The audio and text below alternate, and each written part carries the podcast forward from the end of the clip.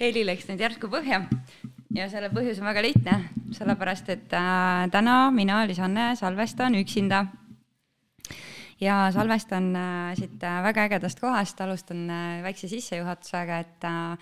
me oleme Tallinnas äh, sellises piirkonnas, Kalamaja piirkonnas, jah, Patarei, Patarei tegelikult no,, Patarei piirkonnas, jah. kes teab, kus linnahall on, siis me oleme siit lihtsalt üle väikese klombi ja meil on äh, kaks imelist vaadet vaade merele, vaade ehitusmeestele. Et äh, tegelikult ma tulin täna külla Egle Raadikule ja Egle on meil äh, Amazoni siis ähm, poe omanik ja mm, -hmm. ja toimetab seal aktiivselt. Ja tegelikult mina tean, me oleme natuke alati rääkinud ka tausta, et kus me inimest teame, siis äh, mina tean Eglet tegelikult äh, üsna pikki aastaid tegelikult juba tean, teadmise mõttes, et äh, ma tean, et ta on mul ühe sõbranna õde äh, ja ta ennem ta, sa olid turundusjuht, eks ole ju? ma olen hästi, ma olen nagu hunt kriimsilmi, ma olen põhimõtteliselt, ütle mulle amet ja ma tegelikult olen pidanud seda okei okay., äh, no mina tean sind äh, ka turundushaina nii-öelda väga pikki aastaid olid sa minu arust turunduse peal ja siis äh, hakkasid sa järsku tegelema, kogu aeg vaatasin entrepreneur, entrepreneur, igal pool on entrepreneur ja siis Insta oli täis seda, siis ma alguses ei saanud aru, et mis sa nüüd täpselt teed ja ma mäletan, ma küsisin veel Elarini käest, Elarin ütles, ega mina ka hästi aru ei saa, millega ta tegeleb. sest toona tõenäoliselt need asjad olidki nagu nii noh, uued vaata Eestis on ju. et äh, räägi siis äh, meile nüüd äh,, Egle, millega sa täpselt tegeled mm? -hmm. hea meelega, äh, hei, hei minu poolt ka. Äh, ma tegelikult sel hetkel, ma arvan, kui sa mu Instas hakkasid nägema mingi entrepreneurial ja mingi woman business ja mingit sihukest teemat, siis ma kuidagi tundsin, et selline naiste ettevõtluse teema kõnetas mind väga ja ma olin ilmselt sel hetkel selles kohas, kus peale kuus kuud Aasias elamist mis oli seiklus omaette. Äh, ma kohtusin äh, inimestega, kes äh, kutsuvad ennast digitaalnomaadideks ehk siis inimesed, kes ei vaja füüsilist asukohta ega üheksast viieni graafikut, nad on põhimõtteliselt oma elu peremehed ja mul tekkis selline mõte, et aga mis siis, kui, kui mina looksin endale samasuguse elustiili ja nüüd viis aastat hiljem ma siin olen, olen kontoris üheksast viieni kaugele ma siis jõudnud olen, onju. aga tulles tagasi Instasse, et ilmselt ma aktiveerusin Instas natuke rohkem, kui kohtusin ühe äh, naisega, kes äh, ametilt oli assisteerivas rollis politseiametis, ameeriklane, selline äh, mustanahaline. Ja kui ta jutustas mulle säravate silmadega, kuidas ta müüb Amazonis popkornist valmistatud šokolaadipitsat. Ja selle ühe pitsa nii-öelda kuukäive oli kolm tuhat dollarit, siis ma mõtlesin, et Jesus nagu, kuidas nii suured rahad liiguvad sihukeste toodetega. Äh, ja elades sel hetkel veel Aasias, väike laps oli kaasas, et siis, kui tal olid unetunnid, kui lapsed, teised lapsed mängisid rannas, et siis ma lihtsalt kulutasin kogu seda aega, et üks silm kogu aeg luges, üks kõrv kuulas ja teine silm vaatas laste järele. no nüüd jumal tänatud, lapsed on natuke suuremad, et ei ole enam niisugust nagu multitask imise asja kakskümmend neli seitse, aga põhimõtteliselt niimoodi ma piiriülesesse rahvusvahelisse e-kaubandusse sisenesin ja mida ma igapäevaselt siis teen meil on täna tiimis üle kümne inimese, meil on kolm Ameerika ettevõtet Äh, millega me võtame põhimõtteliselt tavalised igapäevased tooted ja me loeme Amazoni klientide jäetud tagasisideid, me loeme küsimusi a la äh, kas mingisugune vaip näiteks on naturaalne, on ta puhastatav, ma ei tea, äh, keemilises või ta üldse, ma ei tea, värvid tulevad maha, on ju, et me loeme ja tahame aru saada, kus on need valupunktid juba olemasolevate toodete juures. ja me vaatame, kas me suudame neid valupunkte eemaldada ja kui me suudame, siis me toome selle toote turule põhimõtteliselt. ja meil õnnestus äh, detsembris äh, kahe tuhande kahekümne esimesel aastal ära teha Eesti kõige suurem Amazoni ettevõtte müügi exit, exit on siis äh, ettevõtte müük ja me selle, selle jaoks olime välja arendanud noh, umbes kahekümne erineva tootega kontoribrändi, et ma nagu väga otseselt, ma kahjuks leping äh, keelab mul rääkida, mis tootega on tegu, aga me, see oli igav, mitte seksikas, nähtamatu toode, millega olles rahvusvahelisel areenil, me tegelikult olime maailma kõige suurem müüja selles kategoorias. Äh, selleks hetkeks, kui me, kui me selle portfelli maha müüsime, äh, et ikkagi on võimalik teha mitmeid miljoneid dollareid aastakäivet okei okay., räägi mulle korra sellist asja, et mul tekkis kogu seda juttu kuulates, eks ju, küsimus, et räägi natukene kuulajatele ka, mis asi see Amazon üldse on, eks ju. ja teiseks, miks Eestis näiteks Amazon, mulle tundub vähemalt isiklikult, on natukene nagu jäänud eBay varju võib vabalt olla, sest et ma arvan, me oleme rohkem kasvanud üles e-Bay'ga ja seda põhjusel, et Amazon ei ole oma Prime'i programmi laiendanud isegi mitte noh, lähiriikidesse, eks ju, et nüüd alles üks aasta tagasi Amazon tuli Rootsi ja Prime on siis tasuta kauba kohale toomine homseks, ülehomseks päevaks. Ameerikas on see luksus, et saad juba nii-öelda kahe tunni pärast oma kapsakaalika kätte, kui sa tellid Amazon Grocery'st, aga Amazon on maailma suurim e-kaubanduse platvorm, ta on globaalne. Ähm, me võime vabalt äh, korraga oma tooteid müüa Jaapanis, Austraalias, äh, Singapuris, rääkimata Euroopa suurematest riikidest, Ameerikast, Kanadast. et õppides selgeks äh, sellel platvormil ettevõtluse tegemise, siis terve maailm on sinu jaoks lahti, sest kõik need turud toimivad täpselt samasuguse platvormi peal okei okay., aga räägi, kuidas äh, nagu kuidas reaalselt näiteks oletame, et äh, ma siis nüüd võtan kätte ja mul on hea mõte, eks ju, mida ma tahan nagu äh, siis äh, kultiveerida nii-öelda. no ütle mulle see mõte, siis me kohe läheme. keegi ei ütle mitte kunagi business. oma mõtet sulle niimoodi, mitte kus kunagi. kusjuures sa saad täiega naelapea pihta nagu ükski Amazoni nii-öelda ettevõtja, sest tegelikult me katsume leida seda unikaalset eristuvuspunkti.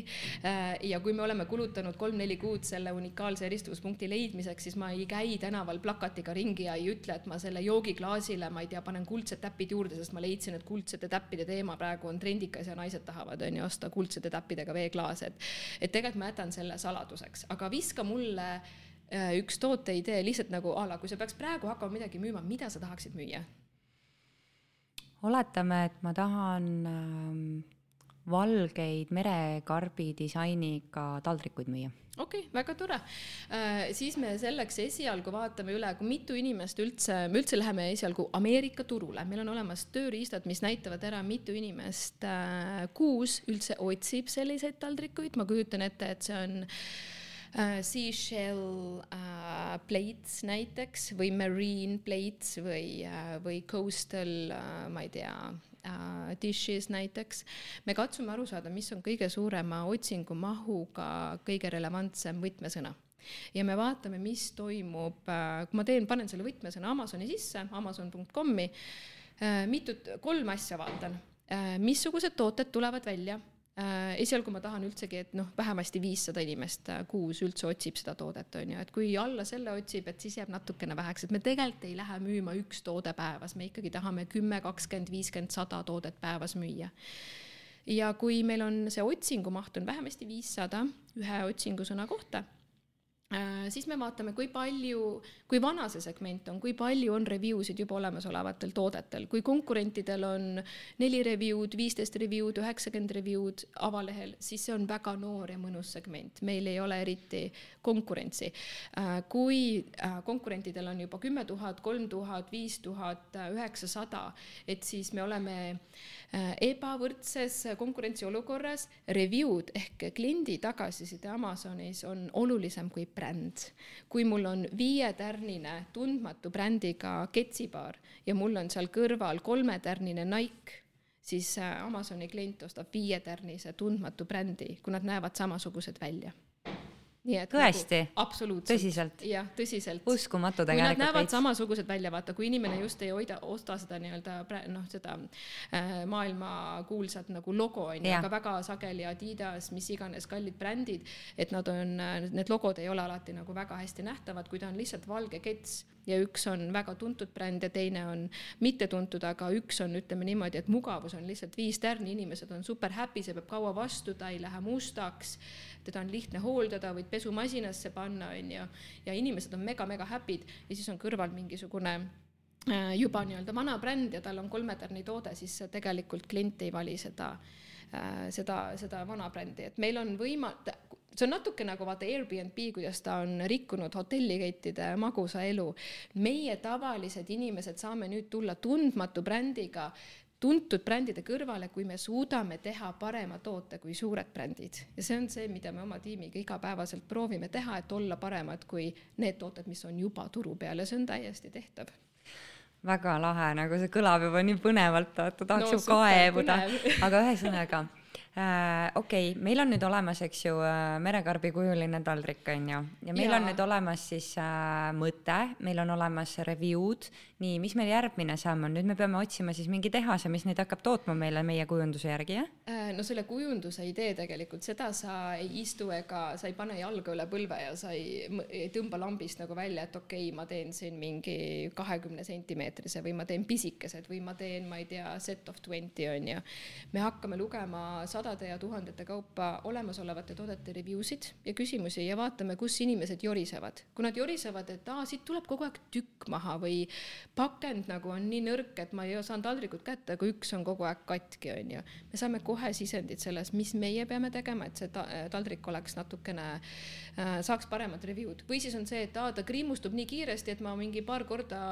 stack in nad üksteise otsa ära ja siis on juba mingisugune noh, kahju nagu tehtud, et siis ma pean oma tehasele talle ütlema, et näe, mul on praegu see olukord, et äh, toode kriimustub kergesti, et kas me saame glasuuri vahetada, kas me saame temperatuuriga mängida, mis me saame nagu teha, et seda kriimustamise koefitsienti nagu vähendada. või et on olemasolev disain, aga näiteks masinas ei saa pesta, inimesed tahavad masinas pesta, siis ma pean oma tehasega leidma lahenduse, et kuidas ma saan siis masinpestavad äh, taldrikud tekitada aga seda kõike on vaja teha selles hinnavahemikus, mis sul Amazonis esilehel on näha väga laias laastus ütleme niimoodi, et me ikkagi toimetame kuni viiekümne dollarilise hinnapunktiga, see on psühholoogiliselt hästi kerge kulutada, inimene ei otsi Youtube'ist, äh, Google'ist lisainformatsiooni. kui review'd on head, pildid näevad head välja usaldus tekib, siis inimesel ei ole probleemi panna see toode ostukorvi, kui ta läheb üle viiekümne dollari, siis hakkab juba see uuringu ja research'i osa pihta ja siis, siis seda ostu nagu kerge endale saada ei ole. nii et hästi nagu ütleme, et impulssostud me saame alla viiekümne dollariliste toodetega kätte, kuhu sinu taldrikud kenasti lähevad ka. aga kui ma nüüd toodet arendan, eks ju, ma ei tohi minna oluliselt üle selle juba olemasoleva hinnapunkti, mis Amazoni esilehel näha on ja kui ma toon toote turule, siis on ülioluline, et ma kolmekümne kuni neljakümne või viiekümne päeva jooksul ikkagi saan oma tootega ka esilehele. nagu ka Google'is kõige parem koht laipa peita on teisele ja kolmandale leheküljele, sama kehtib Amazoni kohta ka, nii et kui me läheme turule, siis nii-öelda lansseerimistegevus, turundustegevus, siis, kui kaup on jõudnud lattu, on väga-väga oluline, et üks asi on toode, teine asi on see, et kuidas ma näitan Amazonile, et ma müün palju tooteid ja ma väärin positsiooni avalehel okei okay., äh, mind huvitab veel see protsess nagu ka, et kuidas ma selle, kuidas ma selle tehase nagu leian, kes selle noh lõpuks nagu kokku paneb, et äh, see on ju tegelikult tohutu rägastik, et ma tean, et ilmselgelt on ju, olgem ausad, kõige suurem tehase piirkond on kus? Aasias on ju. et äh, kindlasti inimesed ju vaatavad sinna, sest äh, see hinna hinna ja kvaliteedi nagu suhtes on seal ka, ma arvan, N võimalust ju nagu nii ülevalt kui alt öö, otsida endale nagu see koht, mis sul valmis teeb need asjad, et kui palju neid pangesid on nagu läbi kolistatud ja, ja mis, mis täpselt nagu, kuidas see täpselt siis ikkagi nagu nii-öelda välja näeb selle õige tehase leidmine? no seal on ikka väga äh, haigelt palju äh, ämbreid läbi kolistatud, me ei ole source inud ehk siis ostnud kaupa sisse ainult Hiinast, jah, see riik on Hiina, mida sa üritasid siin nurga taha ära peita, et me ja Hiina on endiselt maailmatehas, kuigi on üha kallinev maailmatehas, sest hiinlased tahavad ka keskklassi elu nautida, nende tootmine muutub kallimaks, äh, Trump pani tariifid, neid ei ole keegi senini eemaldanud, äh, Covid pani peale ülipikad äh, tarneajad, ladustamise probleemid, et meil on parasjagu igasuguseid kaikaid, mida kodaratesse visatakse ja need suusad on ikka päris mitmes kohas risti, on ju, aga meie võtame seda justkui nagu, et äh, fine, meil on siis nii-öelda treeningul raske ja lahingus kerge, et äh, praegu me siis treenime. me võtame kõik üleliigse oma nagu süsteemi pealt ära ja oleme nagu hästi fit, eks ju, kõikide protsesside koha pealt, et teeme siis keerukamas, Covid on meil ikkagi teinud oluliselt keerukamaks kogu seda asja.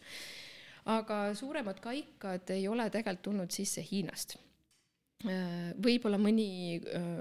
kuulaja muretseb, et jaa, et ma ei tea, kui ma seal näiteks noh, loogiline on see, et ma suhtlen läbi kakskümmend tehast, et leida siis võib-olla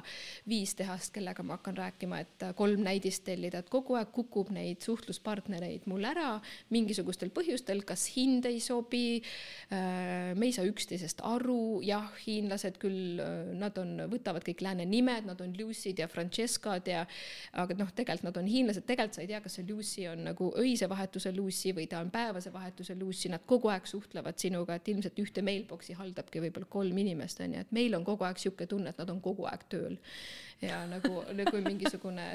Kalašnikovist tuleb neid vastuseid, on ju. sest ega hiinlane tahab ju businessi teha, et oma keskklassi elustiili juurde jõuda. et tegelikult meil Hiinas äh, ei ole olnud olukordi, kus ma ei tea, keegi oleks jooksnud meie rahaga ära või keegi nii-öelda ei oleks välja ship inud meie kaupa. kõige suurem äh, kaubaostu error ja see oli mingisugune kahekümne tuhandene pluss error, äh, tuli hoopiski Indoneesiast, sest me läksime partneriga, äripartneriga äh, kaupa sisse ostma Indoneesiast, sõitsime rolleriga ringi, saime väga ägedaid tooteid, rõivaid, dekoorasju, ladustamise kodu storage'i kaupu, ladusime konteinerid täis ja kui see jõudis Ameerikasse, siis saime teate, et meie tollidokumentatsioonis on üks väli valesti vormistatud ja selle äh, õigesti vormistamine maksab mingisugune kaheksa-üheksa tuhat dollarit, pluss ootab meid potentsiaalselt trahv, teine samasugune summa Eh, kokku oli ta siis juba ligi kakskümmend tuhat, konteiner ise oli kakskümmend tuhat väärt. Eh, lahenduseks pakuti meile, et saatke see konteiner tagasi Indoneesiasse. Eh, las nad teevad selle tollidokumendi välja, ühe välja korda ja siis me ship ime tagasi seal puudus absoluutselt igasugune Exceli loogika, et me oleks kunagi suutnud mingisugust raha teenida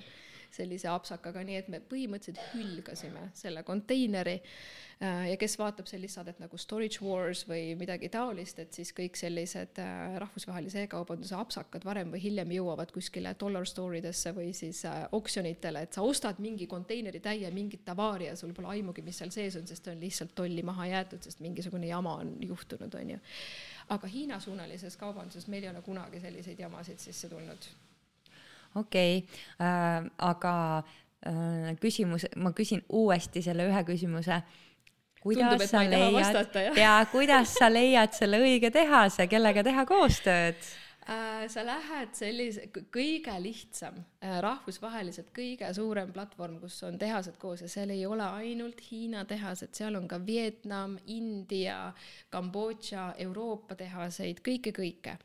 on ikkagi alibaba.com, mitte Aliekspress Aliekspress, ma hoiatan, on koht, kus müüakse tegelikult praaktooteid, laojääke äh, ja kõike sellist, et seal puudub nagu consistency ehk siis järjepidevus, et ole palun ettevaatlik, kui sa Aliekspressist asju ostad, jah, on head kogemused ja kes vähegi on rõivaid või mingisuguseid, ma ei tea, mänguasju ostnud, siis on tegelikult märganud, et tegu on ikka suhteliselt crap'iga.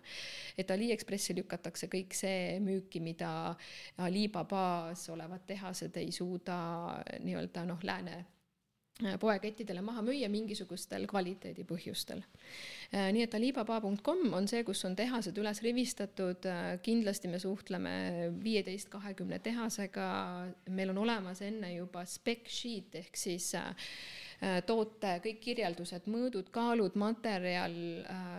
palju ta peab, ma ei tea, raskust hoidma, mis komplekteerituse tal selle tehase liini pealt peab tulema, kõik need asjad on konkreetselt kirjas, et me võtame hinnapakkumise täpselt samasugustele tingimustele, me ei ütle, et ma tahan valg-, ma tahan läbipaistvat klaasi, vaid mul on seal juba nii-öelda see grammkaal on olemas, mul on disain on konkreetselt olemas, kui on võimalik, siis kaadjoonised, äh, mida saab teha, eks ju, kui noh, Upwork.com näiteks on see koht, kus sa saad ka jooniseid tellida, kui sul on vähegi vaja tehnilisemaid jooniseid, et jah, joogiklaasil seda ei ole vaja, aga, aga a la mingi, kui sa riiulit toodad või, või midagi, et siis, siis on juba vaja väga spetsiifilisi mingeid kaldenurkasid ja kõike, et siis me saadame sellise info nagu kahekümnele tehasele ja hakkame siis äh, sorteerima välja sellist, kes meile parima hinna ja kvaliteedi suhte teeb. kusjuures kõige soodsama pakkumisega tehased enamasti ei pruugi ikkagi töös kiirusse minna, sest et äh, kui me jõuame viie asjalikuni, tellime miinimum kolmkümmend toodet,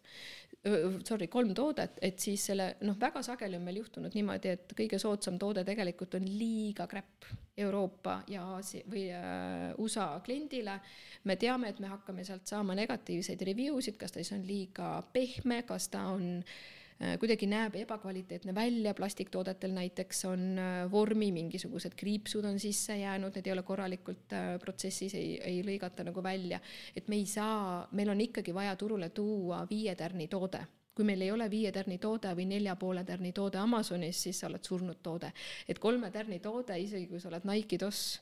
et noh, see, see nagu sealt kaob, pooled kliendid kaovad kohe tagant ära, kui sul on kolme tärni toode, sinna ei ole mitte midagi teha kui meiega see juhtub, me hülgame selle listingu ehk siis tootekuulutuse, me teeme vajalikud parandused tootele, me teeme uue listingu, uue toote, uude, uue unikaalse toote ja me katsume otsast peale seda protsessi alustada see on ikka jube põnev maailm tegelikult. no siin on mega palju detaile taga, et me võiksime ilmselt viisteist tundi järjest rääkida. Ja siis sa oleksid äh, täielikult koolitatud, ei sorry, tegelikult sa ei oleks, et et ma olen oma teadmised Amazoni kooli sisse lugenud ja see on nelikümmend tundi nagu järjest, et kui sul praegu mu häälest nagu süda pahaks ei lähe, et siis vabalt võib nelikümmend tundi mind järjest kuulata. Kas äh, äh, selles mõttes, et mina käisin tegelikult Paides ju vaata sind kuulamas, sa käisid Paides ka rääkimas. Kunagi, kunagi ja, ja, ja, see oli juba tegelikult, kusjuures äh, inimestel oli huvi ju, sellepärast et tegelikult terve see saal oli ju puupüsti täis, onju. aga sa oled ka teinud tegelikult nüüd Amazoni teemalise konverentsi mm. -hmm. Yeah. see on meil tegelikult äh, partner Mihkliga juba paar aastat tagasi alustatud ja täna võttis selle konverentsi korraldamise üle Äripäev. ja neljandal juunil äh, on rahvusvaheline Amazoni müüjate, müüjaskond Tallinnas jälle koos, nii et kui tunned huvi, siis tule kindlasti kuula, Swiss hotellis neljas juuni äh, Äripäeva lehelt leiab juba infot selle kohta ka ja see pilet ei ole väga kallis, et natuke üle saja euro on hetkel ja see on ühepäevane konverents? ühepäevane konverents mm, -hmm. aga meil on sauna eelpidu eelmisel päeval ja vaatame, mis me siis pühapäevasel päeval veel teeme, et võib-olla brunch itame koos. Okei okay., äh, kui tihedalt kokku sa oled selle community'ga, teil on ilmselt juba mingi Amazon Estonia community tekkinud, eks ole ju? jaa, Eestis tegelikult, ma ütleks, et eestlane on tegelikult päris ideaalne Amazoni ettevõtja DNA tüpaažiga inimene. meil esiteks on lihtsalt mingi üheksa kuud täiesti mõttetut ilma, on ju, et õues ei saa chill ida, mingit siestat pidada ei saa, sa lihtsalt sured ära äh, sinna sopa kätte ja külma kätte, on ju, et me peame toas olema. Ja mis me toas ikka teeme, vaatame telekat või istume arvutis. Ja kui ma juba arvutis istun, siis äh, miks mitte nagu selle asemel, et nii-öelda tegelikult kas, kas ei ole naljakas, et inimestel on põhimõtteliselt kaks valikut, kas ma põgenen sellest elust, mida ma praeguses, praeguseks hetkeks olen iseendale loonud, ehk siis äh, vaatan Netflixi, ma ei tea, joon igal õhtul veini, ma ei tea, nagu kuidagi nagu tahan ära saada sellest elust, on ju, või ma saan aru, et selles põgenemisel ei ole pointi. kui mul praegu see elu, mis mulle ei meeldi, mu sissetulek mulle ei sobi, mul on, ma ei tea, ma olen meeletult ülekoormatud, ma olen äh, tasakaalust väljas, mul on näiteks sõprussuhteid sügavaid üldse ei ole, et ma nagu pean sellega tegelema siis ma ei nat-, mata seda kuskile Netflixi äh, binge watch imisse ära, vaid et ma siis panen fookuse loomaks oma seda elu, mida ma tahan luua. Ja Netflixi igaõhtuse veini või õlle või siis mis iganes distraction'i ehk äh, häi-, häiriva tegevuse või nagu väljalülitava tegevuse asemel ma tegelikult hakkan looma siis seda uut elu. ja meil on alati kaks valikut, kas ma katsun ennast eemale saada praegu loodud elust või ma loon uut elu, mida ma tegelikult või ma loon tahan. uut elu, et saada Äh, siis päriselt reisile näiteks, sellepärast et tegelikult hästi paljudel on ju see, et äh, nad istuvadki seal Netflixis telekas, aga samal ajal räägivad, et nad tahaks palmi alla puhkama minna, onju. Mhm. et noh, siis sa ju saad minna sinna palmi alla puhkama. ma küsin nagu sellise realistliku küsimuse siit kohalt, et äh, oletame, et me oleme siis nüüd saanud selle toote, me oleme launch inud selle, selle läheb hästi seal Amazoni platvormi peal, onju et kui kiiresti sa saad tunda reaalses elus endal finantsilist vabadust Äh, ma ei ütleks, et ühegi ettevõtlusvormiga see juhtub. Homme, kui me oleme realistlikud ja ma olen väga-väga realistlik, et siis see võtab ikkagi kaksteist kuni kaheksateist kuud, mis iganes ettevõtet sa teed. Ja see ei ole küsimus ei ole pigem selles, et, äh, et sa ei suudaks äh, edu endale luua, ma ei tea, paari kuuga. noh, ikkagi me testime ju ära, kui ma teen mingi pirukaputka kuskil Viljandis, et ma ikkagi saan ju mingi kuu-kahega juba aru, kas mul läheb hästi või mitte asi on selles, et kui ma teen pirukiputka, mul hakkab hästi minema, ma tahan laieneda, ma tahan paremat, kiiremat, äh, ma ei tea, küpsetamismasinat endale osta, ma tahan äh, võib-olla putkasid juurde teha, et ma reinvesteerin selle raha tagasi. ja kui ma sel samal ajal võtaksin selle raha ja sõidan kuskile Egiptusesse ära, siis ma tegelikult ei saa kasvada. nullpunktis. Mhm. jah, ma tegelikult ei loo nagu siit edasi seda tegelikku elu, mida ma tahan teha. ehk siis iga ettevõttega ma nagu üldse ei hakkaks ettevõtluse peale mõtlema, kui ma tahan homme olla rikas, sest ainult petuskeemidega on võimalik olla homme rikas. või siis a la mingisugused äh, ajaloos mm, kord viiekümne aasta jooksul juhtuvad sellised äh, düsfunktsioonid, ehk siis krüpto läheb üles, ma ei tea, kuld läheb üles ja sul õigel ajal oled õiges kohas, aga see on puhas õnn, et tegelikult ettevõtlus on ikkagi ma testin, ma testin, ma testin, ma lähen edasi, ma õpin, kui on, äh, kui ma kuskil fail in, siis see ei ole fail, vaid see on järgmine elu ettevõtluse õppetund, mille baasilt ma lähen tugevamana edasi. Ettevõtlus on nagu aukudega ämber ja iga kord, kui ma lähen edasi ja ma fail in, ma löön varbad ära üks nendest aukudest seal ämbris on kinni topitud, sealt ei lähe enam, mu raha ei voola enam välja. ja lõpuks ma olen kõik need augud kinni toppinud ja mu ämber on täis ja ma saan el seda elustiili elada, mida ma tahan. okei okay väga põnev, aga nüüd ma tahan siit edasi minna selle kõige teemaga, sellepärast et äh, olenemata kõigest sellest Amazonist, millest me nüüd rääkisime väga pikalt ja põnevalt, no tegelikult väga lühidalt, aga selles mõttes pikalt. sul on minikoolitus praegu tehtud. mul on minikoolitus tehtud nagu ja palun, võite mind tänada, teil ka. Aga ühesõnaga, mina, mind huvitab tegelikult see, Eglekene, kuidas sa sinna kasvanud oled? hakka mulle sellest elust rääkima, vaata, me läheme praegu siit kronoloogiast tegelikult nagu eestpoolt nagu tahapoole nüüd onju. et algselt me plaanisime tegelikult nagu me väikse preview tegime ennem, siis me plaanisime minna tegelikult tagant ette onju, aga nüüd me läheme eest taha, et räägime nagu natukene sellest, et kuidas sa üldse sinna Amazonini jõudsid mis olid need sammud, mismoodi sul nagu elu selle kätte mängis ja noh, kuidas sa sinna üldse sinna kuuekuulisele reisile oma perega jõudsid, et lihtsalt mainin vaheetapina ära, et Egle on meil kolme lapse ema ja ta on kõik selle saavutanud nagu oma laste ja pere kõrvalt. et äh, räägi, räägi sellest. no ikka juhtub ja ma ütleks tegelikult võib-olla emadele, äh, et tegelikult on häbitult vähe emasid on ettevõtluses ja võib-olla enne, kui ma enda lugu hakkan avama, me korraks võime puudutada naised ja, ja sellist äh,, me natuke tõmbame nagu padjapüüri endale pähe, tegelikult ise. nagu me, ma ei saa kuidagi öelda seda, et mehed takistaksid meid olema ettevõtlikud, tegelikult ei ole. ma ütlen sulle kohe, mis on kõige suuremad takistused, miks naised istuvad nelja seina vahel ja räägivad endale lugu, et ma väikeste laste kõrvalt mitte midagi teha ei saa äh,. on see, et me ei, me ostame ära selle loo et me peame kannatama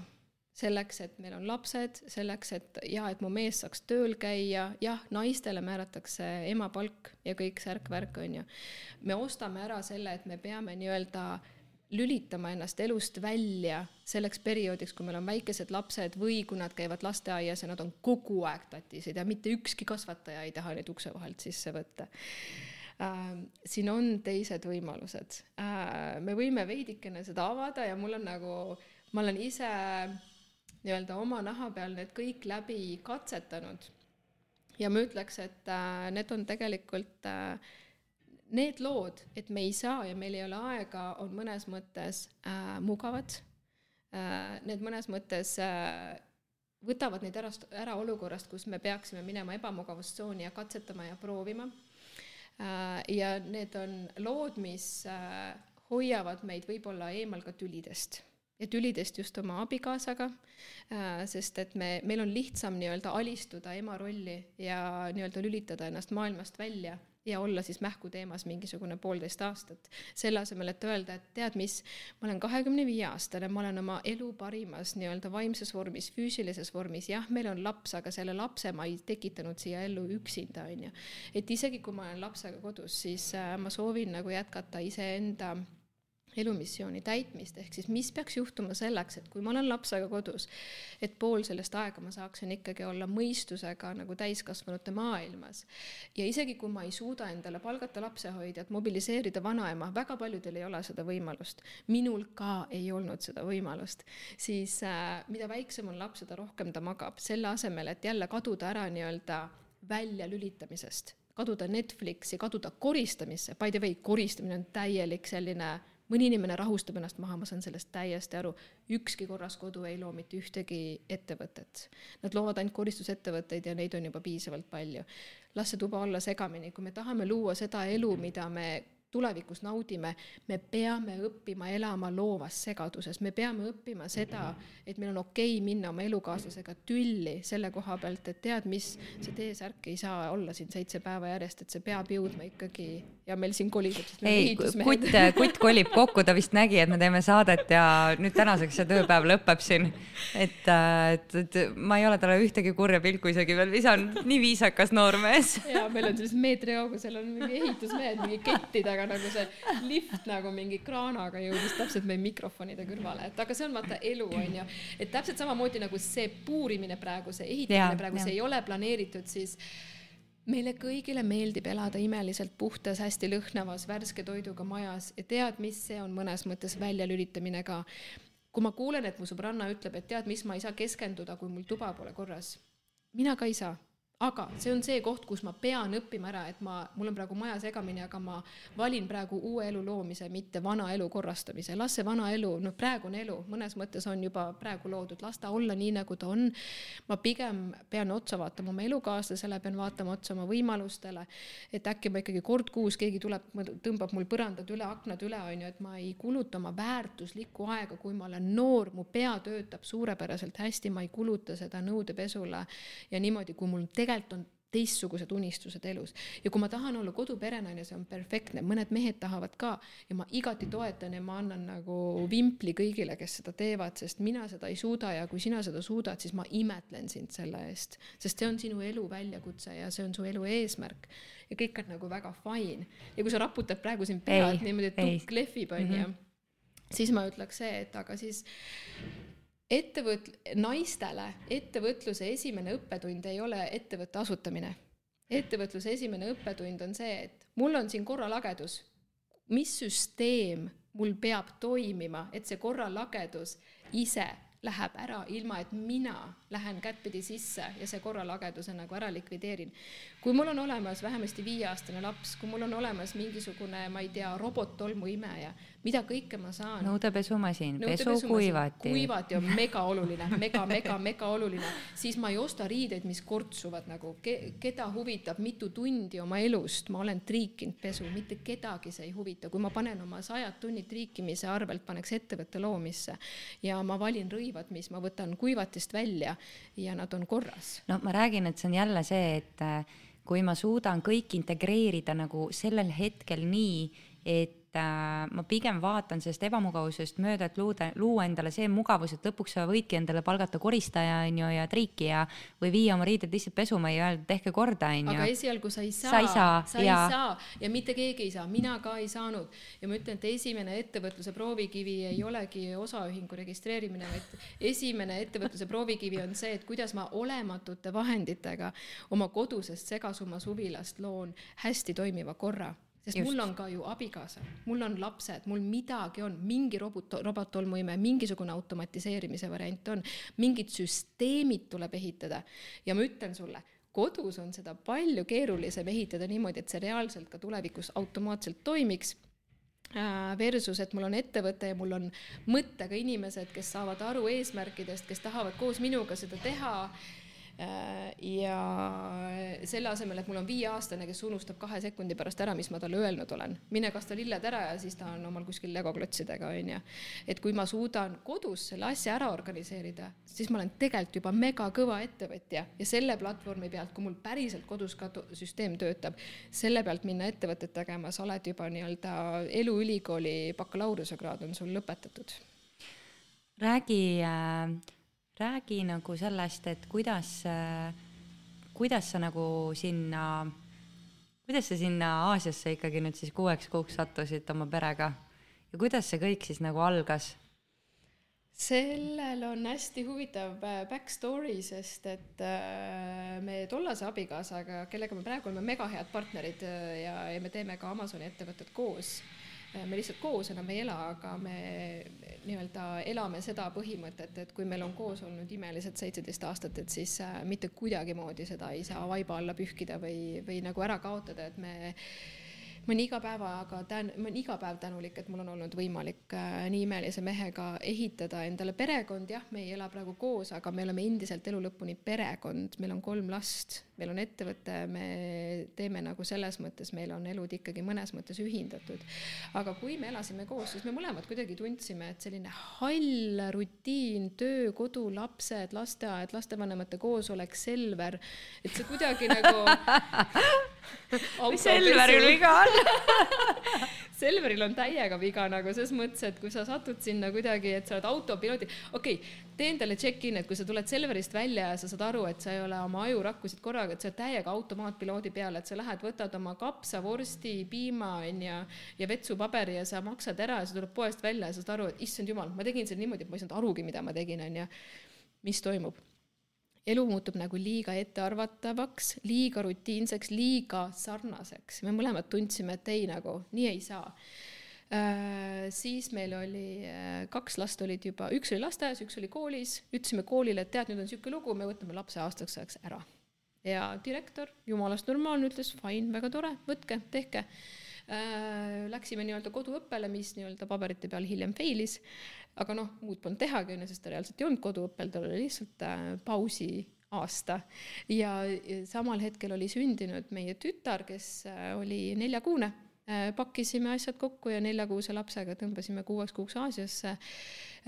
Ema palga peal on seda väga okei okay teha, rentisime maja välja et, et selle nii-öelda maja rendirahaga siis Aasias rentida endale uus elukoht, Aasias on väga okei okay rentida äh, kolme-nelja-viieliikmelisele perekonnale mingisugune kuuesaja kuni tuhande kahesaja euro eest täitsa okeid basseiniga nagu elamised, et, et see ei noh, Euroopas on oluliselt kallim. Ja, ja, ja siis äh, abikaasa sel hetkel tegi äh, tööd niimoodi, et äh, ta tegi Eesti ajatsooni jaoks, ta alustas kell kolm, lõpetas kell kaksteist ja see oli väga okei sest et pool päeva me saime tegelikult koos asju teha, me saime käia rannas, me saime käia vaatamisväärsuseid vaatamas, sõitsime rolleritega ringi,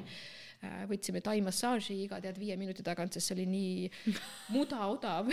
ja nii siga hea et nagu iga kord, kui me kõndisime mööda, võtsime oma mingi riisiroa, siis nagu hüppasime massaažist ka läbi ja me käisime sisuliselt neljakesi, et poisid ja meie ja siis äh, Tiit lihtsalt väeksus kuskil seal kõrval. Samal hetkel, aga nagu vahet ei olnud, sest nagu me olime nii relaxed onju, et äh, et see väeks nagu ei puudutanud väga meie maailma tol hetkel, et tal tegelikult oli okei. Okay ja siis äh, seal sa saidki, ma saan aru, et seal siis oligi nagu see elu valgustumine ka sellest, et kui mismoodi tegelikult on nagu võimalik elada ja, ja mismoodi tegelikult nagu äh, kuhu siis edasi liikuda ja, ja, ja selline, et ma tahan nagu elada sellist elu, eks ju, kus ma tunnen, et mul on äh, kvaliteet üle nagu igasuguse muu kvantiteedi, on ju. mõnes mõttes, aga kuna ma olen natukene rahutu hing, ma olen elu jooksul tegelikult hästi palju olnud äh, õnnetu, õnnetu sellepärast, et ma tunnen, et ma ei sobitu, ma ei ole selline, ma olen, ma olen tundnud, et ma olen saanud kriitikat, et ma liiga kiiresti muudan asju, ma alustan näiteks, äh, ma ei tea, ma olen, mul on olnud sisearhitektuuri ettevõte hakkasin saama juuksurisalonge, eramaju, kõike kliendiks ja siis mul tundus, et ei, ma ei saa seda skaleerida, panen kinni just siis, kui hakkas nagu edu tulema, eks ju äh,. olen suurkorporatsioonis äh, äriarendusjuht äh,, saan tagasisideks, et mis mõttes sa iga pooleteist aasta tagant vahetad, on ju, ettevõtte sees osakonda, et nagu liiga kiiresti, liiga hüplik, liiga nagu ebastabiilne. ja ma võtsin kõiki seda tagasisidet ja seda nagu enda hüplikust või nagu soovi muutuste järgi olen võtnud äh, kriitikana. nüüd ma olen aru saanud, et minu loomus ongi hästi huudisimulik, ma tahan kogu aeg näha, mis maailmas on veel võimalik, mul ei ole probleemi olla ebamugavustsoonis, mul ei ole noh, inimesena ma olen kasvanud sinna kohta, et ma üldse äh, varasemalt olles väga-väga kooli ajal ikka mega tagasihoidlik tüdruk, ma, mul oli sisuliselt mingi üks või kaks sõpra nagu, et mul reaalselt ei olnud ühtegi sõpra ja ma nagu päeva jooksul võib-olla ainuke kord, kui ma rääkisin, oli see, kui õpetaja eesti keele tunnis tahtis, et keegi, et minu kord oli lugeda mingi kolm lauset ette ja siis ma lugesin seda nii kiiresti, et ma ei hinganud ka nagu, et sealt tuli nagu, oligi nagu Kalašnikov onju, et äh, ei olnud võimalik aru saada, mida ma lugesin, sest ma tahtsin, et see saaks läbi. ja selle koha peal lihtsalt ma vaatasin, olen eluga kogu aeg pidanud äh, tõtt vaatama, et äh, nõme on niimoodi. Nõme, kui ma võtan kriitikat äh, nii südamesse, nõme, kui ma arvan, et kui ma olen ebamugavustsoonis, et see on millegipärast halb. tegelikult ei ole, kui on mingisugune paha koht mu elus, noh näiteks praegu ja ma räägin sellest väga avatuna, praegu ma olen avastanud, et seoses sellega, et ma olin nii kinnine inimene lapsepõlves, mul on väga suur äh, selline kogemuste pagas puudu negatiivse spektri tunnete tundmise koha pealt. Ja, ja mõnikord tuleb mul justkui nagu lambist mingisugune ebamugavustunne või nagu jõuetus või solvumine ja see ei ole seotud praeguse päevaga ja siis ma mõtlengi, et vau, nagu see vana asi tuli praegu ülesse. ma vanasti valisin lihtsalt ennast välja lülitada, a la vaatasin telekat, ma ei tea, sõin, naiste puhul näiteks söömine on niimoodi, et andke jäätist, andke võileiba, on ju, et mis iganes, söömine by the way on väga-väga hea viis, kuidas oma tunded maha suruda. ma olen sellest täna teadlik, kui tuleb mingi solvumine, pettumine või midagi, siis ma lihtsalt nagu istun maha ma lasen lihtsalt nagu sellel kurbusel või niimoodi, ma võtan selle lihtsalt vastu, nagu praegu on täiega essisti, eh, võtan lihtsalt selle vastu ja kui ma võtan selle tunde vastu ja ma ei, ma ei sõdi ja ma ei topi seda kuskile purgi alla nagu ära, ma ei pane seda peitu ära, siis tegelikult ta läheb ära, ta läheb ise ära, et sellega ei ole vaja üldse tegeleda, mul ei ole vaja mingit tehnikat sinna peale saada, mul ei ole vaja äh, ühtegi mingit raamatut läbi lugeda, mul ei ole vaja teraapias käia kümme tundi järjest, on ju, et need tunded lihtsalt tahavad äh, kuidagi, et me võtame nad korraks vastu ja nad ise lähevad minema, et, et ärme põgene nagu, et ma olen hästi palju põgenenud oma elus kõiksuguste asjade eest. aga kuna ma olen olnud niivõrd hunt kriimsilm ja kogu aeg tahtnud nagu erinevaid asju teha, siis ka perekonnal on olnud hästi keeruline aru saada, et miks sa ei rahune maha, sa oled turundusjuht selles ettevõttes, nüüd on sul enda ettevõte, ma ei tea, digiturunduses, et mis mõttes sa teed seda aasta otsa, mis mõttes sa teed poolteist aastat, et sul just hakkas hästi minema teenindad teletorni, teenindad lennusadamat, on ju, noh, normaalsed, ägedad, prominentsed kliendid, mis mõttes ma panen selle ettevõtte kinni ja ma ei taha rohkem teha. hästi selline ebanormaalsuse tempel tuleb kiiresti otsa ette. impulsiivne, nagu ütlevad tavainimesed vist, on ju aga, aga, aga ma ütleks selle peale, et, et see kõik on ju viinud sind täna nagu väga, väga eduka nagu naisettevõtja positsiooni. Põhimõtteliselt küll, aga see tuligi läbi selle, et vaatamata kõikidele nendele templitele, mida ma ise lasin endale otsa ette tembeldada, noh, tegelikult ma võiks ju nii-öelda aktsepteerida, et minu tüpaaž ongi selline, et vajab hästi palju vaheldust ja ma ei saa teha kolmkümmend seitse aastat järjest raamatupidamist, ma lihtsalt lähen hulluks ära ma olen normaliseerinud ära, et miljoni asja tegemine on okei okay. ja kõik, kes tulevad mu juurde ja räägivad, eriti naised, ma näen naiste puhul seda väga palju, et naised ongi tegelikult mega uudishimulikult, tegelikult me ei taha olla nelja seina vahel oma pisikese väksuga, onju. tegelikult me tahame avastada, me tahame olla nagu liblikad, lenda, lennata ühelt õielt teisele, vaadata kõike, mida elul on pakkuda. ja see tähendabki seda, et ma pean testima hästi palju. aga vaatamata sellele, et ma tembeldasin, eks ju, kogu seda ilusat, mis ma praegu kirjeldasin, ma tembeldasin seda, et ma olen ebanormaalne, ma ei sobitu, ma ei ole klassikaline naine, ma ei tee kodus mehele igal õhtul süüa. Äh,. ma nagu mu tuba ongi segamini, sest ma valin samal ajal kuulata podcast'i ja nagu tegeleda nagu tuleviku loomisega, eks ju. Ma ikka sain seda nagu paksu ja vedelat kriitikat päris palju ja seda nagu mõistmatust. Südames ma teadsin, et mul ei ole mitte midagi teha, ma, ma pean selle kriitika vastu võtma ja lihtsalt nagu ma lasin kõrvad lonti ja kuulasin ära, miks sa pole normaalne. nagu miks sa ei võiks muutuda, lasin kõrvad lonti, ütlesin ja-jah ja tegin lihtsalt ikkagi edasi seda oma asja, et ma iga aasta tagant vahetasin, vahetasin professioon, professiooni, sest et äh, olen olnud hästi paljudes ettevõtetes noh, turunduse müügi peal, arenduse peal, aga lisaks on meil olnud, ma ei tea, viis erinevat ettevõtet, me oleme eksabikaasaga teinud müügiautomaate, olen CD-trükis vintage asju müünud Tallinna vanalinnas,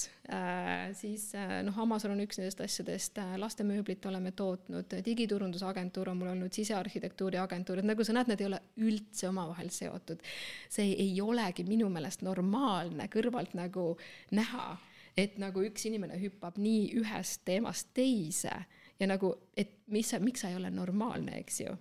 Mina ei ütleks üldse seda näiteks, mina, minule kõlab see täpselt nii, ma, ma arvan, et ma olen ise natukene samasugune. ja,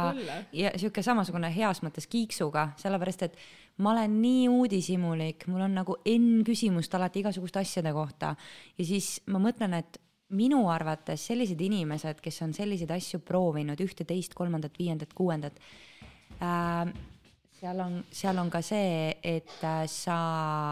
tegelikult arened ja su silmaring läheb iga kord laiemaks tänu sellele. ja, ja üks osa, mida aktsepteerida, et äh, ebamugavustsoonis, kui ma vahetan valdkonda, ma vahetan tööala äh,, siis äh, ma olen et normaalne ongi olla ebamugavustsoonis kogu aeg, õrnalt ma olen kogu aeg ebamugavustsoonis, sest ma kogu aeg õpin midagi uut. räägi natukene naistest ja ettevõtlusest, ma tean, et kui me rääkisime sinuga telefonis ennem, ennem kui ma hakkasin siia üldse tulema täna, siis äh, sa ütlesid, et ma tahan jagada naistega äh, ka seda mõtet, et ähm, et kuidas nagu noh, otse öeldes mehele munad tagasi anda, et naised võtavad nagu munad meestelt ära. mida sa mõtled selle all räägi meile uh,. Ma arvan, et see on okei okay,, et ma jagan äh, oma nagu ühte elu uh, õnnetut seisu, et uh, seoses sellega, et ma kogu aeg testisin, olin ebamugavas kohas, ma kogu aeg nägin, et uh, mingid asjad tahavad elus parandamist, mingid asjad võiks olla teistmoodi. Mul oli see drive ja soov äh, kogu aeg luua nii suur, et ma hakkasin ka perekonnas põhimõtteliselt kõiki asju ise organiseerima ja, ja ma loodan, et äh, see, mida ma praegu räägin, võiks kõnetada päris paljusid naisi, sest ma näen sedasama tendentsi nagu hästi paljudes perekondades, kus äh, naised võib-olla leiavad ennast seisust, kus nad soovivad elult tegelikult rohkem, kui nii-öelda tavaline elu ette näeb. noh, tavaline elu on see, et sul on üheksast viieni töökoht, sa käid mingi kaks korda aastas Egiptuses, siis sa võib-olla käid mingi sõprade juures grillimas, sul võib-olla on noh, üks või kaks autot, on ju, noh, midagi, noh, midagi selline keskpärasus, eks ole aga me näeme, et tegelikult me soovime midagi enamat, ma ei taha töötada kümme aastat ühes positsioonis. ma ei taha elada talvel Eestis. ma tahan, ma, ma, ma vaatan mingit Youtube'i videot, ma äh, inspireerun, ma tahan aru saada, mis toimub, ma ei tea, krüptos, mis toimub äh, mingi disainiga, mis toimub äh, näiteks noh, hästi palju naised äh, inspireeruvad turundusest ja võib-olla mingisugustest toodetest, mida saaks ise müüa. Äh, ja me läheme nagu sellega kaasa päri-, naised on nagu impulsiivsemad ja me näeme nii palju võimalusi, me tahame nagu hüpata sinna sisse ja meist saavad loojad ja see on kõik nagu väga tore. ja kui me ei pane tähele, et loomise ajal me hakkame ka kodus nagu kõike looma korraldama, me võtame justkui nagu ohjad täiesti enda kätte. et ma tahan, et mul on ilusam kodu, siis ma mingi surfan viis tundi okidokis Facebook Marketplace'is, ostan kokku siga hea hinnaga kõik toredad asjad, on ju, ma näen, et ma suudan kõike nii palju. ja see, mida ma oma käega loon, see on lihtsalt nii fantastiline, ma lähen kogu aeg edasi, edasi, edasi aga kui lõpuks tuleb see päev, kus äh, abikaasa ei ole viis aastat mitte ühtegi väljasõitu planeerinud, ta ei ole mitte ühtegi äh, nädala menüüd koostanud, ta ei ole lastega iseseisvalt mitte midagi initsieerinud, sest kõik on sul juba ära tehtud sinu poolt, sest sa oled selles nii freaking hea. siis äh, kus kohas on see positsioon mehel, et ta saab tunda ennast mehena?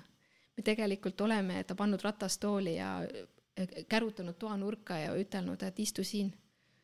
ja et ma saan hakkama kõigega ja see on see, et äh, me ei ole mitte Kalevipojad, vaid me oleme need lindad selle suure lauakoormaga, kes saavad absoluutselt kõike hakkama. mu välismaalasest sõber ütles, äh, ma töötan Spring Hubis Tallinnas, mis on äh, ettevõtjate selline ühistöökoht, meil on väga palju rahvusvahelisi ettevõtjaid ja ja tema üks asi oli see, kui ta ütles, et kuidas Eestis inimesed elavad, et Eesti naise kandevõime on lõputu ma arvan küll jah Jah. ja., ma olen selles mõttes nõus. jah, ja kui me võtame selle kandevõime, me võtame selle lindalaadse positsiooni, et mul ongi mingisugune kaks tonni neid laudu seal õla peal ja ma lähengi läbi lahe, on ju. kus on see koht, kus on positsioon ja võimalus mehel tunda ennast mehena, kui me kõik asjad suudame ära teha, jah, me suudame ja me peame mõnes mõttes leppima sellega, et aga ootame oma mehe järgi, lõdvestume korraks, ärme kogu aeg sibli ringi nagu mingisugune kana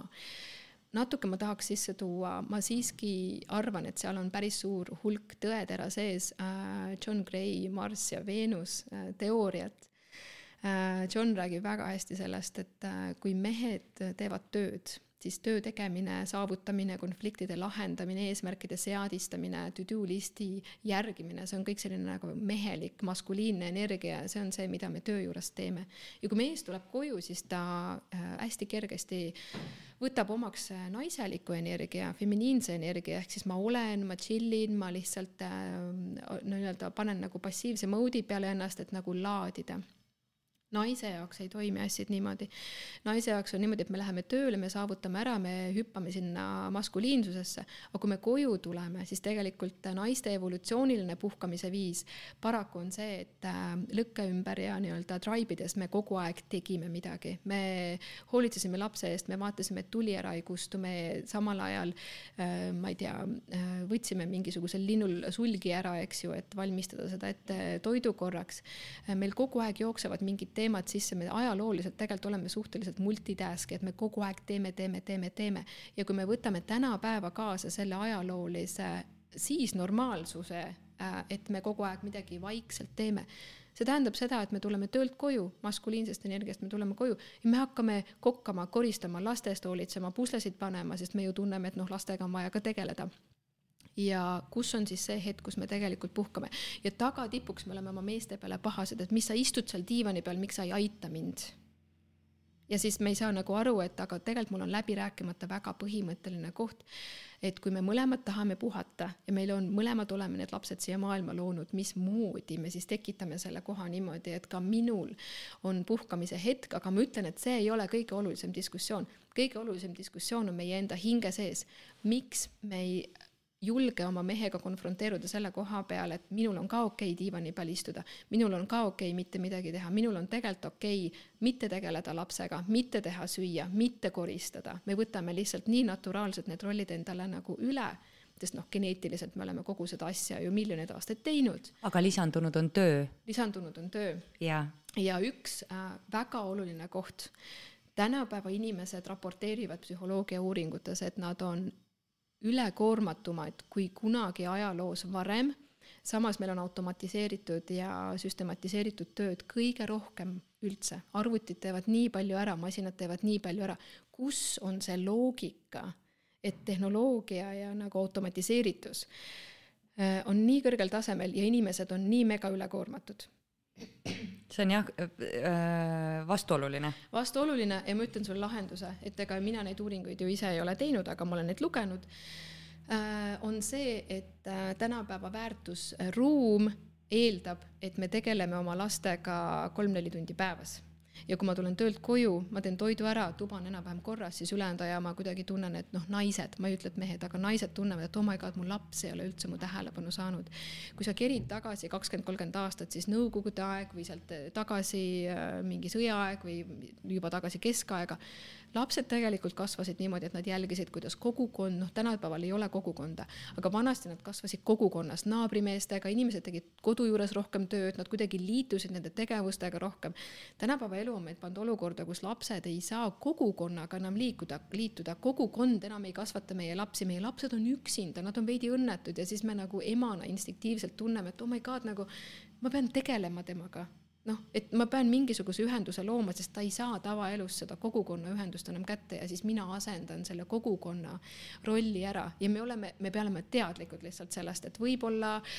võib-olla me saame teadlikult suunata rohkem lapsi õue, et äh, saame teha naabritega kokkuleppe, et hei, et äh, lepime kokku, et iga päev viiest seitsmeni me surume lihtsalt lapsed õue äh,. mis on, kui me, mina olen ühel päeval, sina oled teisel päeval, on ju, tekitame seda kogukonna asja siis, võtame siis seda kohustust ära, et me üksinda peame asendama midagi, mis ajalooliselt üldse ei olnud meie õlgade peal.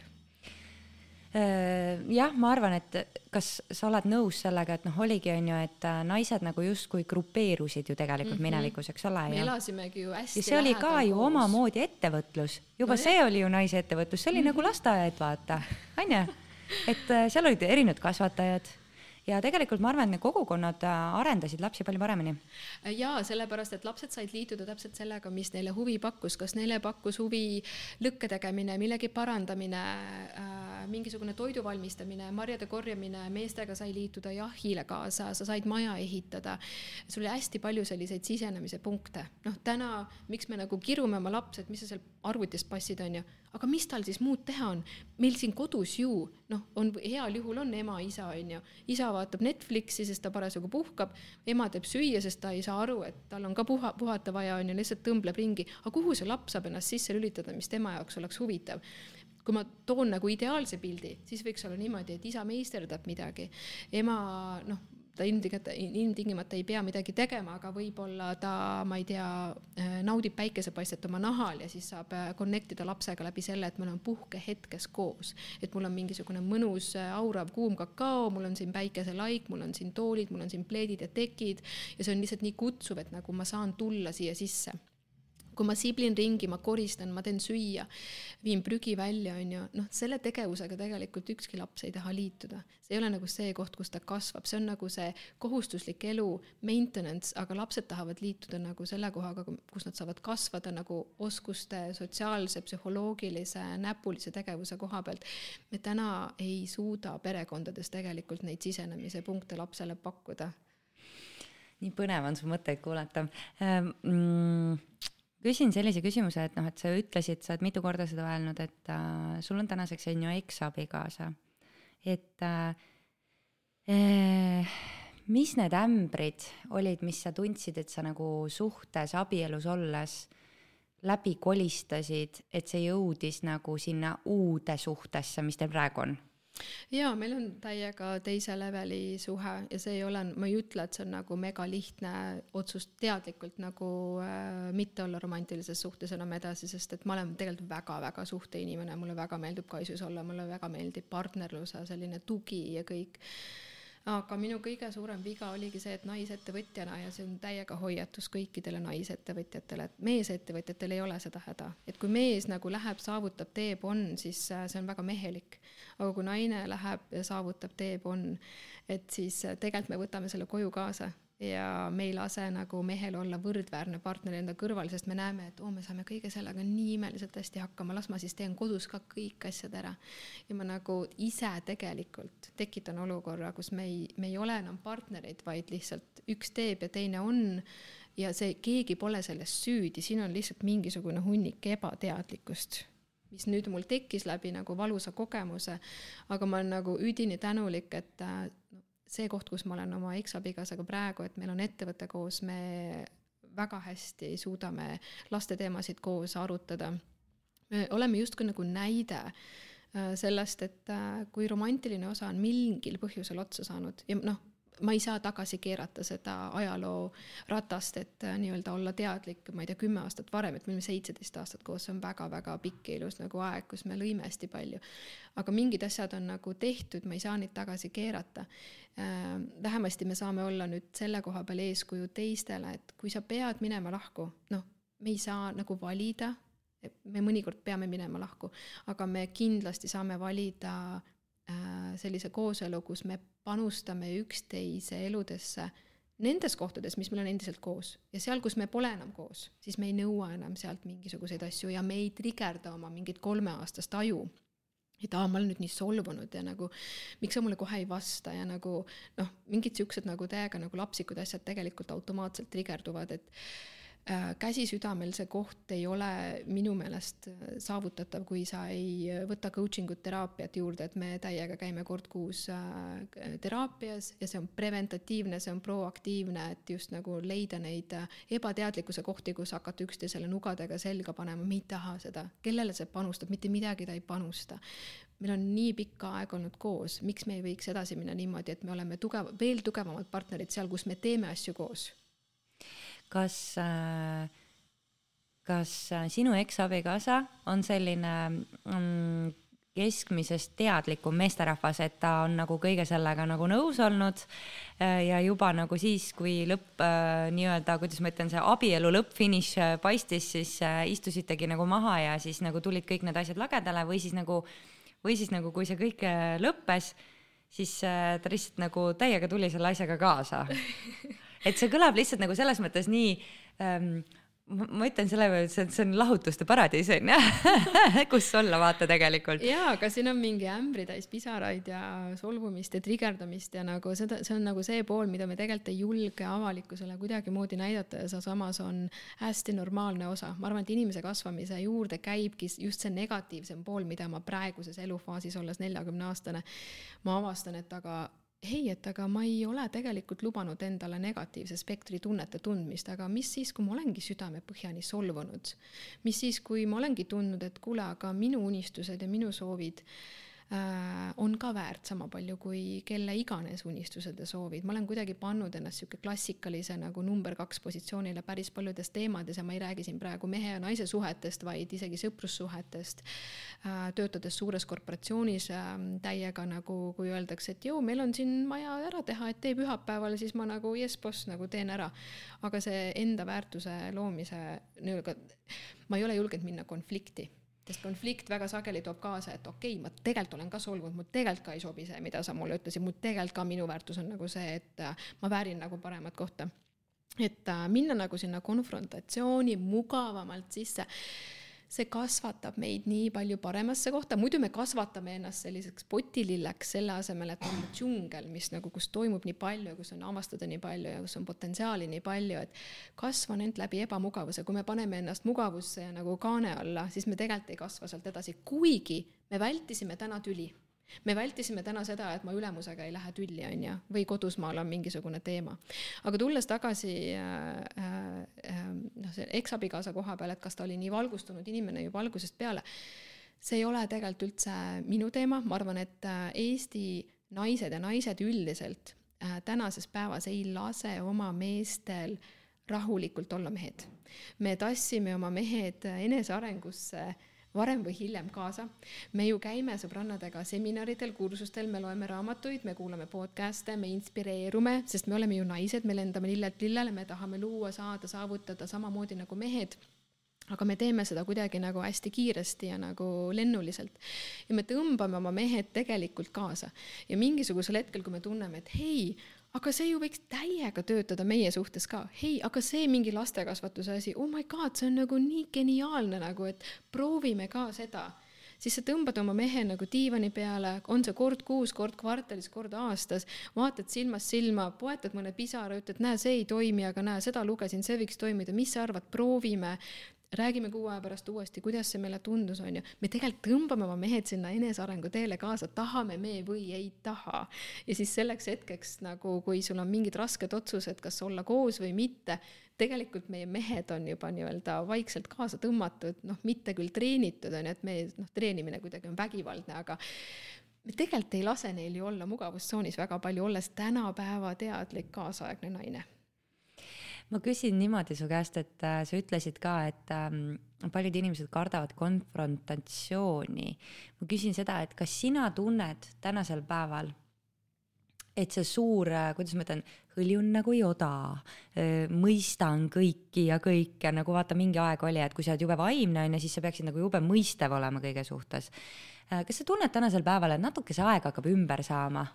Täiega äh,, ma olen nii-nii nõus sellega ja ma olen hästi palju enda peas viimased kaks aastat filosofeerinud selle teemaga, et kas meil ei räägita suurt vale äh,. kas meil ei räägita suurt vale sellest, et kui ma olen äh, väga heas kohas iseendaga, siis ma olen äh, vanarahu ise, ma olen zen, mind ei suuda mitte ükski asi paigast kõigutada, ma ei tunne madala vibratsiooni tundeid mis on pettumine, viha, häbi äh,, mingisugune vale olemise tunne, on ju täna tegelikult ma arvan, et kui meile öeldakse, et ja kusjuures naljakas on, et meile öeldakse, et hei, et võta ennast vastu täpselt sellisena, nagu sa oled, täielikuna. ja see on ju sinu tunne, see ei puuduta praegu mind. jah, aga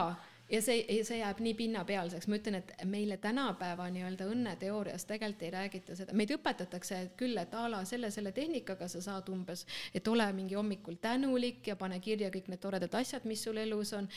jah, me saame ennast äh, mehaaniliselt tõsta vibratsiooni küll, et me paar levelit läheme üles, et me oleme õnnetundest võib-olla siis ma ei tea, excited ja ecstatic on ju. me saame seda alkoholiga ka teha, me tegelikult oskame oma vibratsiooni tõsta, on ju. aga selleks, äh, et me saaksime tunda ennast täielikuna äh,, inglise keeles on hea sõna whole ähm,,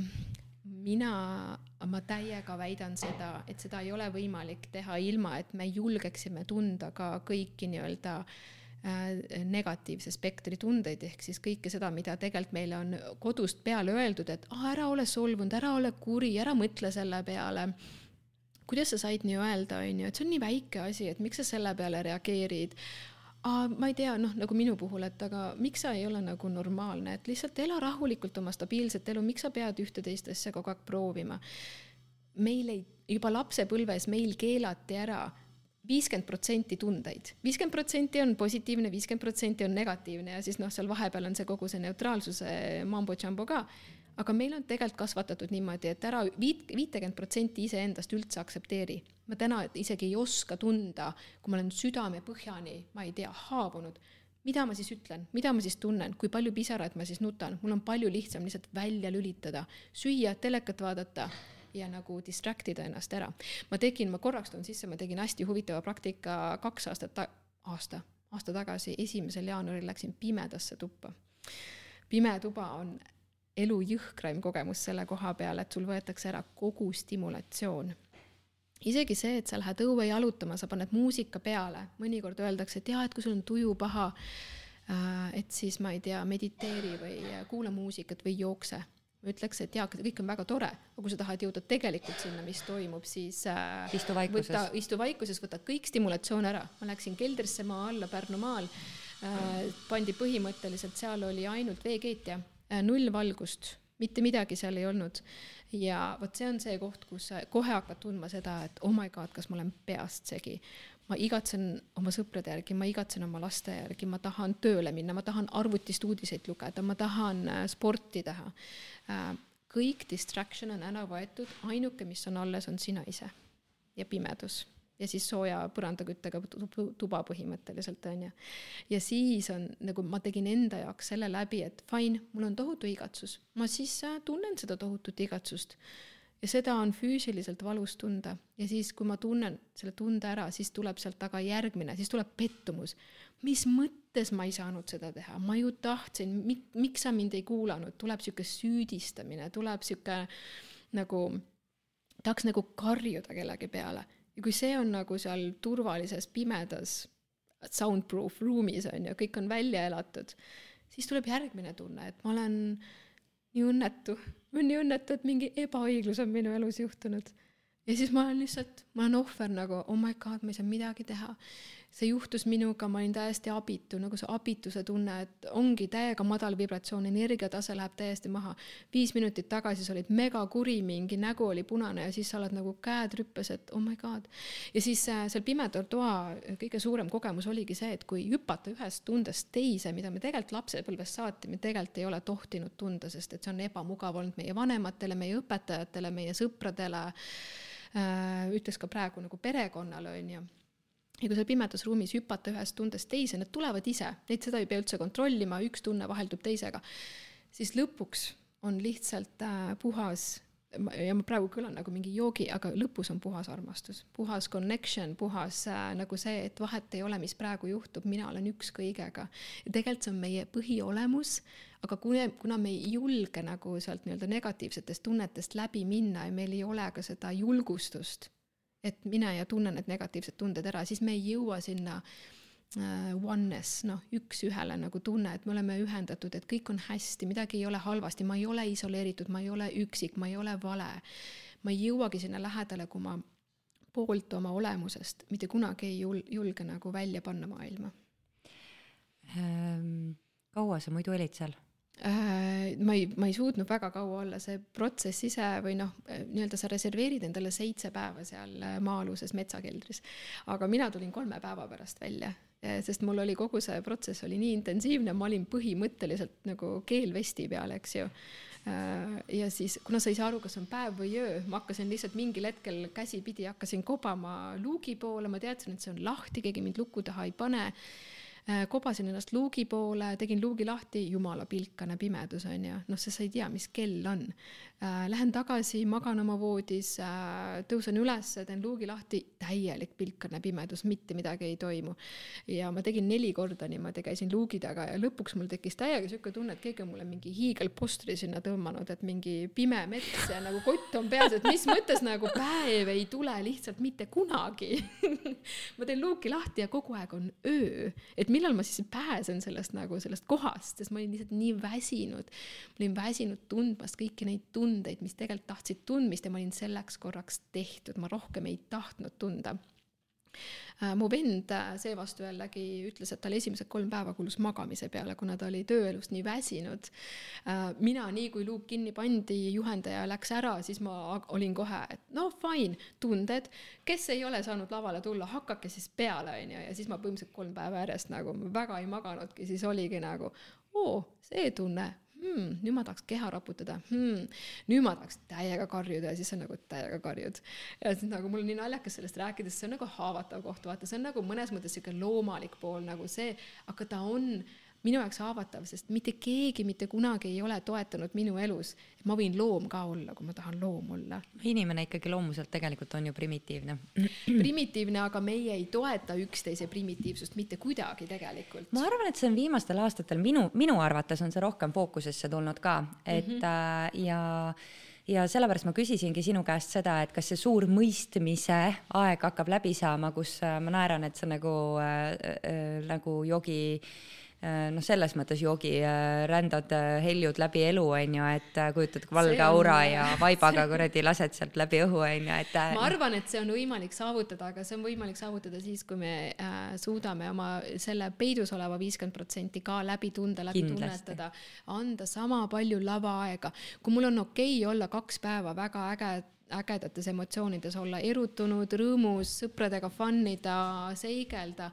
miks mul siis ei ole okei okay, kaks päeva tunda negatiivse spektri tundeid, et ma olen pettunud, mul praegu läks pekki, mul äh, eesmärgid ei täitu, ma tunnen, et ma panen peaga vastu seina äh,. miks ei ole mul okei okay, kaks päeva seda tunda, kui mul on kaks päeva olla okei okay, õnnelik? see selles mõttes, et oled sa nõus, et kui me lubaksime neid asju tunda, siis me ei peakski minema kuskile keldrisse lihtsalt äh, maa alla, vaid äh, ongi okei okay öelda sõpradele telefonis, et tead,